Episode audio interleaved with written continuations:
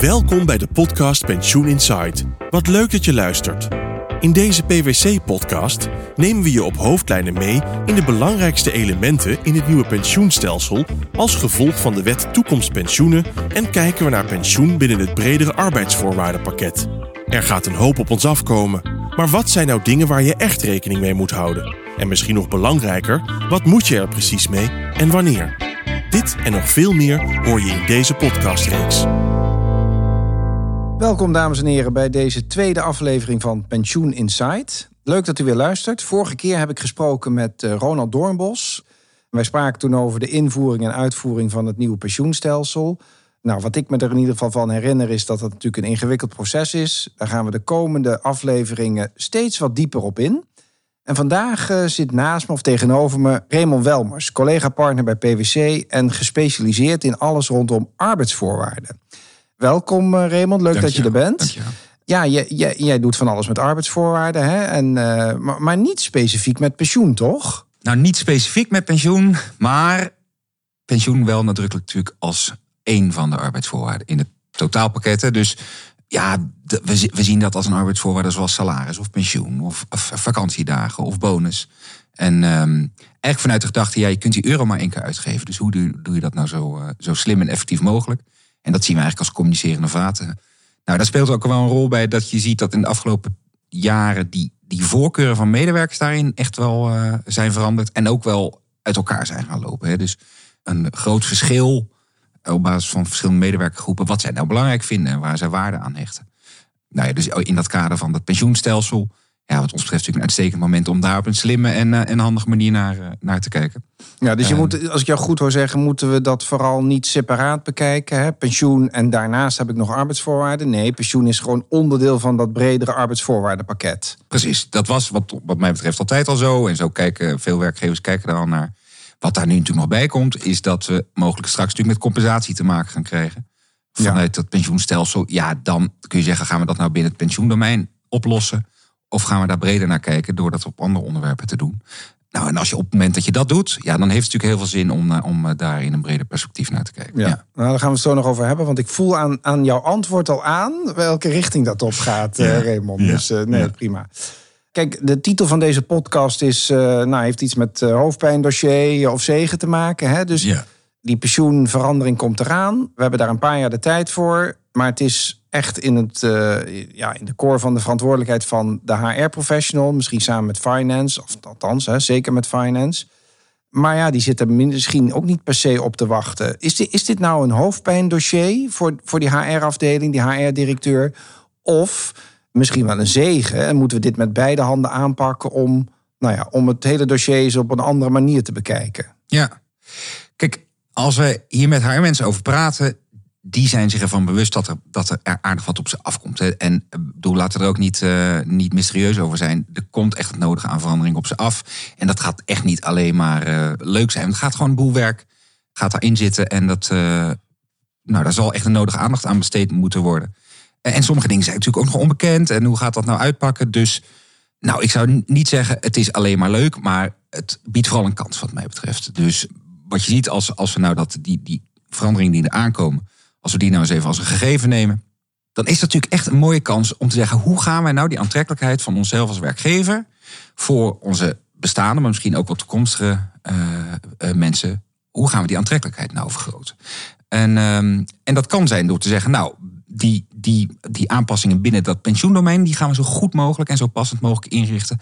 Maar zeker als we ook andere dingen gaan aanpassen, dan kun je natuurlijk zeggen, nou laten we nou eens heel goed gaan bekijken wat onze mensen belangrijk vinden. En die euro op zo'n manier inzetten of op zo'n manier veranderen, dat we, als we toch gaan veranderen, dat we dat dan uh, zo doen dat we in zijn totaliteit als werkgever uh, aantrekkelijker worden. Nou ja, dus even terug naar de titel van de podcast. Een, uh, een hoofdpijndossier of een zegen. Ik, wat mij betreft, een zegen met werk aan de winkel. Zo ja, ja misschien een combinatie van beide. Zo is ja, het, maar in ieder geval vooral een kans, laten we het zo Precies, maar, ja. maar formuleren. Ja, ja. want, want nu ik je dat hoor zeggen, Raymond... Ik zou altijd zeggen, ja, weet je, als je nou werknemer bent... Uh, we weten, die zijn vooral uh, present bias, noemen we dat geloof ik. Hè? Dus die denken, ja, geef mij dat geld nu maar. Laat dat pensioen maar zitten. Hè? Misschien een beetje nabestaande pensioen goed regelen... en de rest uh, vooral geld nu. Is dat ook wat werknemers in, in de regel ook echt vinden? Of denk ik dat alleen maar? En als ze dat dan vinden, vind je dan ook dat de werkgever daar dan ook maar zomaar in mee moet gaan? Dat is een goede vraag. Laat ik starten met te zeggen dat als wij dit soort voorkeuren onderzoeken, dan zien we eigenlijk per onderneming daar heel verschillende beelden uitkomen. Dus er zit een gevaar wat ons betreft in, of een, een, eh, een risico in. Door te zeggen, nou, wij denken dat we wel weten wat onze mensen belangrijk vinden. En op basis van die aannames gaan we onze arbeidsvoorwaarden inrichten. Dus mijn advies zou altijd zijn: ga dat nou binnen je eigen onderneming goed onderzoeken. Een van de dingen die we wel zien is dat die belang van die pensioenarbeidsvoorwaarden die neemt eigenlijk toe met senioriteit, met leeftijd. Dus hoe langer mensen binnen je organisatie zijn, zeker hoe ouder ze zijn, hoe groter die voorkeur voor de pensioenarbeidsvoorwaarden wordt. Nou, dat is natuurlijk wel een interessante, want afhankelijk van hoe jouw workforce eruit ziet, zeker mhm. hoe je wil dat hij eruit ziet, kun je daar natuurlijk je aantrekkelijkheid op aanpassen. Als je heel veel jonge mensen hebt, dan kun je natuurlijk zeggen, nou dan hoeven we minder impact, minder zwaarte aan dat pensioen, uh, die pensioenbenefit te geven. Maar andersom, je zult ook groepen binnen je populatie hebben waar dat wel belangrijk voor is. Nou, en dan kom je natuurlijk op een interessant punt, want dat is ook de groep waar je als gevolg van die wijziging mogelijk voor moet gaan compenseren. Ja. Nou, dan komen we natuurlijk ook een beetje bij het onderwerp van die eerste podcast. Dus hoe gaat dat er nou uitzien? Hoe ga je dat op, op een slimme manier doen? Dus ook mijn vraag aan jou is eigenlijk, hè, dus ten aanzien van die, van die compensatie, mhm. wat verwacht je daar nou in? Wat denk je dat daar gaat gebeuren? Hoe, hoe denk je dat werkgevers daarmee, uh, daarmee om zullen gaan? Ja, kijk, wat, wat ik nu in de praktijk zie uh, bij de klanten, de werkgevers die, die al begonnen zijn, hè, is dat dat best een wisselend beeld is. Hè? Dus we weten vanuit de wetgever, wij moeten adequaat compenseren. Dus het is niet de vraag, moet ik compenseren of niet? Nee, je moet gewoon adequaat compenseren. De vraag is, wat is dan adequaat? dat is een relatief open norm in de wet, maar je moet compenseren. Maar je hebt een aantal mogelijkheden om dat te doen. De ogenschijnlijk meest eenvoudige is door te zeggen: Nou, we gaan dat gewoon in de pensioenregeling doen. Hè. Daar is ook fiscaal gezien gedurende maximaal 10 jaar ruimte voor gegeven. Dus je mag wat extra pensioen opbouwen de eerste 10 jaar om uh, mensen te compenseren voor die eventuele achteruitgang. Maar dat maakt je relatief inflexibel, omdat er eh, een aantal kenmerken aan die overgangsmaatregel, aan die compensatiemaatregel dan zijn verbonden. Je moet het hele tekort, wat soms op misschien nog wel 20, 30 jaar ziet als je een jonge werknemer hebt, moet je in 10 jaar compenseren. Dus je gaat eigenlijk de kosten over een veel langere periode mogelijk proppen in 10 jaar, waardoor je dus met een relatief dure, in geld gezien althans, in cashflow, uh, dure arbeidsvoorwaarden zit. Dat is een nadeel. En een tweede nadeel is dat je zo'n compensatieregeling ook aan moet bieden aan de mensen die nadat je die nieuwe pensioenregeling hebt ingevoerd bij jou in dienst komen. Dus bijvoorbeeld over vijf jaar komt er iemand in dienst. Die moet je dan nog, als die compensatieregeling dan nog vijf jaar loopt, vijf jaar lang compensatie bieden voor een gat wat hij bij jou nooit heeft opgelopen. Op zich is dat wel logisch, want de wetgever heeft de aanname gedaan dat als die persoon bij jou komt werken, dat hij daarvoor ergens anders heeft gewerkt, waarschijnlijk ook in een compensatieregeling zat. En we willen natuurlijk geen gouden kettingen om die arbeidsmarkt binden. Dus nou, daar, daar komt dat vandaan. Vanuit werkgeversperspectief merk ik in de praktijk is dat lastig te verkroppen. Dat je mensen in dienst krijgt die een compensatieregeling moet bieden, geld moet geven voor, voor een regeling die je vijf jaar geleden hebt afgeschaft. Dat is compenseren in de pensioensfeer. De tweede variant is dat je dat in salaris doet. Bijvoorbeeld, of andere arbeidsvoorwaarden, maar meest aannemelijk lijkt salaris. En dan weten we dat je een aantal vrijheden hebt. Want dan ben je niet meer gebonden aan die tien jaar. Hè? Dus je hoeft niet het hele tekort in die, in die tien jaar uit te smeren. Je mag, maar je mag daar langer de tijd voor nemen. Waardoor je de kosten kunt spreiden.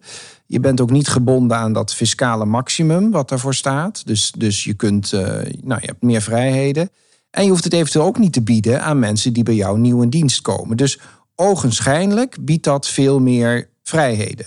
Nou, jouw vraag was: wat zie je nou en wat verwacht je uh, daaromtrent? Wat ik merk bij werkgevers is: het moment dat je dit uitlegt, dan zeggen de meesten: oh, doe het dan maar in salaris, want dat mhm. geeft die vrijheid. En eerlijk gezegd, als je gaat doorrekenen, dan is dat vaak ook aantrekkelijk. Zeker uh, als je kijkt naar de jaarlasten. Maar het brengt ook nadelen met zich, omdat je wel, uh, nou ja, je, je, je gaat verschillen in groepen introduceren, et cetera. Dus mijn boodschap zou vooral zijn: onderzoek vooral. Maak projecties. Hè? Hoe zit het met de instroom, uitstroom? Eh, wat zijn de salarissen? Wat is de leeftijd? Dus onderzoek vooral hoe die varianten eruit zien.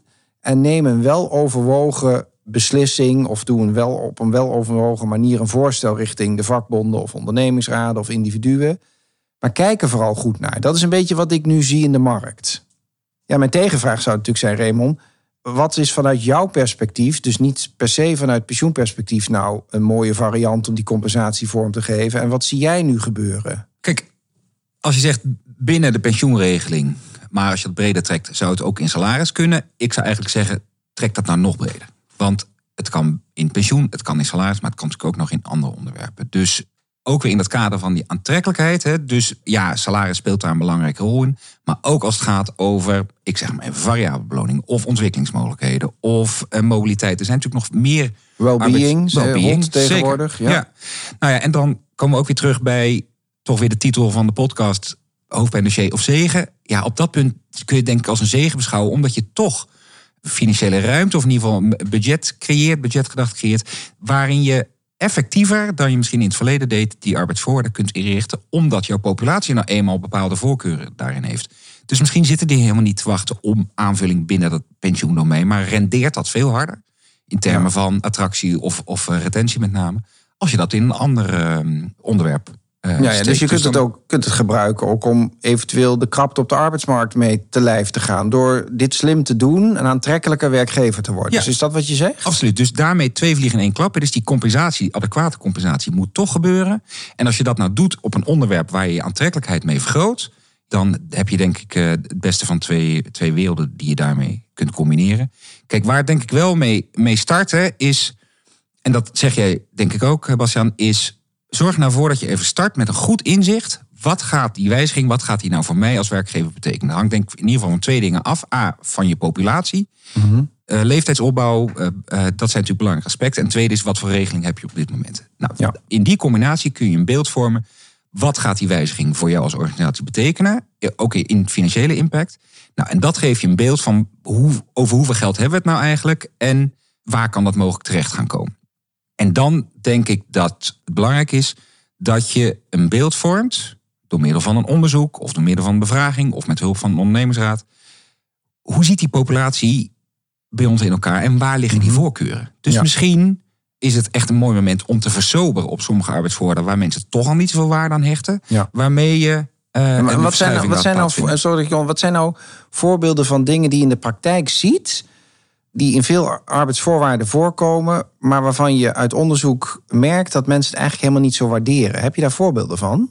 Want ik denk altijd aan, uh, weet ik veel, jubileumuitkering of zo. Ja, nou, een heel veel voorkomende is alles wat met variabele beloning te maken heeft. Dus prestatieafhankelijke beloning. Hm. Eigenlijk wat we daarin zien is dat over de afgelopen jaren het belang daarvan, of de voorkeur die mensen daaraan geven, echt jaar na jaar afneemt. Dus het meest recente onderzoek wat we daarin gedaan hebben, rond plek 50. Dus moet je voorstellen, in termen van rendement, hè, dus die euro die je in variabele beloning steekt. Heel veel mensen die hechten daar eigenlijk heel weinig waarde aan. Dus als je diezelfde euro oppakt en in well-being stopt, dat kost je dus geen, geen, geen, euro, meer. geen euro meer. En dat rendement of dat effect daarop is aanmerkelijk groter. Dus er is natuurlijk geen enkele reden om te zeggen, we gaan alleen maar in het pensioendossier kijken. Als we het toch gaan wijzigen, dan kunnen we misschien even ons totale arbeidsvoorwaardenpakket tegen het licht houden. En zeggen, nou, dan kunnen we ook die, die, die, die tijd en geld en die moeite die we in die bonusregeling steken, die kunnen we misschien ook beter inzetten op andere onderwerpen. Ja, als pensioenadviseur zeg ik dan wel, er moet wel altijd een goede basis pensioenregeling blijven. Hè? We, zeggen, we willen niet zo ver gaan dat we het nabestaande pensioen afschaffen en huilende weduwe aan de poort. En, en dat als iemand straks al zijn geld heeft verbrast, dat hij straks eh, de armen van de toekomst is, toch? Er moet toch wel iets zijn wat betreft pensioen? Ja, helemaal eens. Dus kijk, pensioen scoort relatief hoog en zeker. Hè, en, en naarmate mensen langer binnen die organisatie werken, neemt dat belang toe. Maar die variabele beloning, dat is nou wat mij betreft typisch één die, uh, ja. waar het een mooi moment is om die eens tegen het licht te houden. A, vanuit die voorkeur van medewerkers. Maar ook omdat je veel organisaties nu zich ziet afvragen. Hey, dat, die hele relatie naar prestatie, past dat nou nog steeds wel bij ons? Hè? Dus dat wij echt willen drukken op individuele performance en daar geldelijke beloning aan hangen. Is dat nou nog wel iets wat bij, ook bij ons als werkgever bij de cultuur uh, past? Bij de cultuur past. en uh, daar zie je toch in toenemende mate dat, dat veel organisaties zich dat op dit moment afvragen. Dus ja, neem die, neem die dan meteen maar mee, zou ik zeggen, in dat, uh, in dat uh, verhaal. Oké, nou, ik, want ik onderbrak je net. Je had eigenlijk gezegd van, uh, ja, je moet starten bij pensioen. Hè. Je moet vooral een beeld krijgen bij wat, wat de mensen nu willen. Ik denk dan meteen, vroeger deden we altijd medewerkerstevredenheidsonderzoeken. Daar moeten we vooral mee stoppen. We moeten medewerkersvoorkeursanalyses gaan doen. Dus dat, dat hoor ik je zeggen. Maar dan nou heb ik dat gedaan, wat dan? Wat, is de volgende, wat is de derde stap? Derde stap is wat mij betreft, en dat hoeft niet in die volgorde, maar dat je ook een goed beeld vormt. En ik raakte net al even aan bij die variabele beloning. Vanuit die rol van werkgever, vanuit die onderneming, welke boodschap wil ik nou overbrengen aan die huidige of aan toekomstige medewerkers? Dus wat voor werkgever wil je zijn? En op welke manier wil je aantrekkelijk zijn voor huidige, maar met name ook voor toekomstige collega's? En het kan natuurlijk zijn dat dat in de loop van de jaren eh, wat veranderd is. Hè? Dus dat je zegt, nou ja, wij drukten heel erg op performance, maar nu gaat het ons om ontwikkeling. Nou, dan is dit denk ik een uitgelezen moment om te kijken of jouw arbeidsvoorwaardenpakket diezelfde boodschap op dit moment nog wel voldoende overbrengt. Dus de mate van zorg die je in arbeidsvoorwaarden Ja. wil, eh, wil overbrengen. Of gaat het je nou om individuele prestatie of veel meer om het collectief? Dus toch ook weer die aanpassing van het pensioenstelsel. Denk ik een uitstekend herijkingsmoment om ook Ja. die, die boodschap, die belofte eigenlijk die aan medewerkers doet, om die nog eens even tegen het licht te houden en te kijken, nou, misschien hebben we dan reden om ook Ja. onze arbeidsvoorwaarden daar beter op eh, te laten aansluiten. Nou, dan heb, je, heb jij me altijd geleerd, Raymond. Je moet ook vooral durven te onderscheiden. Hè? Dus als je aantrekkelijk wil zijn voor groep A, betekent dat misschien wel dat je heel onaantrekkelijk moet zijn voor groep B. Dus ga vooral niet middle of the road zitten en een benchmark doen. En je denkt, nou, ik, ik pas me aan op de. Want dan kom je nergens, toch? Ja, nou ja, uitstekend punt. Uiteraard, ook omdat ik het zelf tegen je zeg. Hadden we niet ingestudeerd, Nee, nee, luisteraars hoor. Nee, kijk, er zijn twee punten. Eén is, wat ik zei, dus dat het kan zijn dat je naar de toekomst toe andere groepen medewerkers belangrijk of belangrijker voor je gaan zijn. Ik noem even voor veel organisaties is alle digitale eh, Ja, capabilities die vaak eh, belangrijker worden. Nou, hoe kun je er nou voor zorgen dat die groep ook naar de toekomst toe voor jou als organisatie kiest? Tegelijkertijd betekent dat dat sommige groepen misschien minder belangrijk voor je gaan worden. Nou, dan kun je zeggen, nou, dan gaan we met z'n allen wachten en over drie jaar met, met elkaar aan tafel en, eh, en VSO's eh, opstellen. Of we gaan onze onaantrekkelijkheid ook voor die groep eh, versterken. Ja. Zodat tegelijkertijd dus de buitenwereld aantrekkelijker wordt voor die groep. Kijk, in dit kader horen wij wel eens, wij willen employer of choice zijn. En Ja. op zichzelf vind ik daar niet zoveel mis mee. Alleen wat we zien, is als je daarmee een soort allemansvriend wordt, is het zeker in deze arbeidsmarkt eigenlijk heel ingewikkeld om, om, die, om dat, dat Om specifieke onderscheidend te zijn. Precies. Ja. Ja. Ja, dus de zin die we daarom wel eens gebruiken van gebruik deze kans nou, of dit moment nou, om employer of choice te zijn voor je employees of choice of voor je people of choice. Ja, ja. Dat je heel goed definieert wie en welke medewerkergroepen zijn nou cruciaal voor ons als we naar de toekomst kijken. En dat je ervoor zorgt dat je bijna chirurgisch, hè, Ja. met chirurgische precisie voor die specifieke groepen je aantrekkelijkheid eh, optimaliseert. En dan is dat, ja, die, die verschuiving op basis van, van die pensioenregeling is Ja. natuurlijk een heel mooie aanleiding daarvoor. Maar ik vind het wel leuk, want hiermee maken we HR ook veel meer kwantitatief, datagedreven. eh, hè? Dus, dus het gaat niet alleen maar om, om beelden en dat we denken dat we weten wat mensen belangrijk vinden, maar we gaan het ook echt meten. Klopt. En we gaan rendement creëren op iedere euro die we aan, aan onze mensen besteden. Want Ja. uiteindelijk gaat HR gaat om mensen, Ja. maar het gaat uiteindelijk ook om geld. Eh, en dat moeten we niet uit het oog verliezen. Dus, dus we rekenen ook door, je zou ook door moeten rekenen wat de financiële impact daarvan is. Niet alleen nu, maar ook op langere termijn, rekening houdend met in- en uitstroom, et cetera, denk ik. Ja, dus ah, in die financiële impact zitten denk ik twee aspecten. Dus op niveau van de organisatie. Nou ja, ik zei al, die eerste stap, die wijziging van pensioen. Wat is daar nou die omvang van? Maar als je in groter verband gaat verschuiven, heeft dat natuurlijk eh, voor de totale onderneming eh, heeft dat consequenties. Maar vervolgens misschien nog wel belangrijk, ook voor die medewerker. Ja. Dus het is goed natuurlijk om in beeld te krijgen hoe per medewerker, hoe werkt dat nou uit? En met name straks in je communicatie, dat je kunt zeggen, nou hier is waar, je, waar we misschien wat gaan versoberen. Maar let op, op deze posten gaat dat, eh, gaat, er wat komt, bij. komt er wat bij. Precies. Ja, en, ja, eh, ja. Oké, nou, we gaan al eh, ongeveer richting het einde van deze podcast. Want de tijd vliegt, Raymond. Kijk, ik kan me voorstellen dat dit soort wijzigingen leiden tot een verandering van arbeidsvoorwaarden, waaronder pensioen. Hè? Nou, daar hebben we het net over gehad. Dat vraagt om een, eh, waarschijnlijk een instemmingsproces met ondernemingsraden, individuen, vakbonden, et cetera.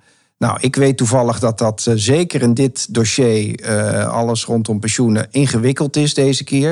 Daar gaan we het nu niet over hebben, maar dat komt de volgende keer aan de orde in de volgende podcast, waarbij ik dat ga bespreken met collega's Bianca van der Goes en Nicolien Borggeven. Dus daar kom ik nog op terug. Ja. Tot slot, Raymond, even een korte samenvatting van wat we hebben besproken. Als ik, eh, en je, je moet me corrigeren als ik het verkeerd zeg. Hè? Ja. Dus eh, het is een uitgelezen kans om in deze pensioenstelselherziening meteen je brede arbeidsvoorwaarden te herzien. Gebruik dat vooral om een aantrekkelijker werkgever te worden voor de doelgroep die je wil bedienen. En dat betekent misschien ook onaantrekkelijker worden voor de doelgroep die je juist niet wil bereiken. Doe dat data gedreven, met inzicht, dus niet op basis van uh, gut feeling. Reken het allemaal goed door. En pak dat proces ook vooral kwantitatief goed aan, omdat je het uh, nou, uiteindelijk op basis van data wil doen. Vat ik het dan zo goed samen? Ja, mij betreft uitstekend. Als het mag met één aanvulling. Je zei die aantrekkelijkheid voor die verschillende doelgroepen. Wat we sommige werkgevers zien doen, die zeggen: ik ga dat dan flexibel maken. Hè? Dus ik, uh, ik creëer een pot waar mensen zelf mogen uh, oh ja. kiezen om dat in te Keuzebudget of Keuzebudget. Zo. Ja. Op zichzelf, uh, wat mij betreft, uitstekend. Hè? Dus daar waar je veel regie legt bij die medewerker om die, dat arbeidsvoordeelpakket naar eigen believen eigenlijk in te vullen. Er is één aspect wat daarin zit, is dat kan betekenen dat mensen dingen gaan kiezen die voor zichzelf heel aantrekkelijk zijn, maar die niet per se je als werkgever helpen om voor die, een specifieke doelgroep aantrekkelijk te zijn. Zeker dat mensen keuzes gaan maken waar je als werkgever eigenlijk niet zo Niks aan uh, hebt. op zit te wachten. Nee, precies. precies. Ja, dus mijn pleidooi zou eigenlijk zijn, als je diversiteit wil, daaraan tegemoet wil komen, ga dan niet flexibiliteit bieden, maar ga differentiëren. En wat ik daarmee bedoel, is dat je met verschillende vormgevingen van arbeidsvoorwaardenpakketten verschillende doelgroepen in je organisatie gaat benaderen. Daarmee blijf je wat meer aan het sturen als werkgever ten aanzien van die aantrekkelijkheid. En daarmee dus ook weer van die onaantrekkelijkheid. Ja. Omdat mensen niet dan de keuze kunnen maken waar je als werkgever eigenlijk niet, uh, niet mee geholpen Ja, bent. ja. Dus dat nog even als laatste tip Dus, van de dus week. differentiëren, maar niet per se iedereen alles maar zelf laten kiezen. Dus Precies. niet volledig maatwerk. Dat is Precies. eigenlijk wat je zegt. Ja. Nou, leuk. Ik heb weer veel geleerd. Dankjewel, Raymond, voor dit gesprek eigenlijk. En eh, nou, dames en heren luisteraars, bedankt voor het luisteren naar deze tweede podcast Pensioen Insight. Ik zei het al even, volgende keer gaan wij spreken met eh, Bianca van der Goes en Nicolien Borgreven over het hele wijzigingsproces en wat dat met name juridisch betekent. Kijken naar uit u daar weer eh, nou ja, virtueel te ontmoeten. En eh, voor nu zeer bedankt en graag tot de volgende keer. Bedankt voor het luisteren naar deze podcast. Kijk voor meer informatie over pensioenen op de website van PwC en volg onze podcast in jouw favoriete podcast-app.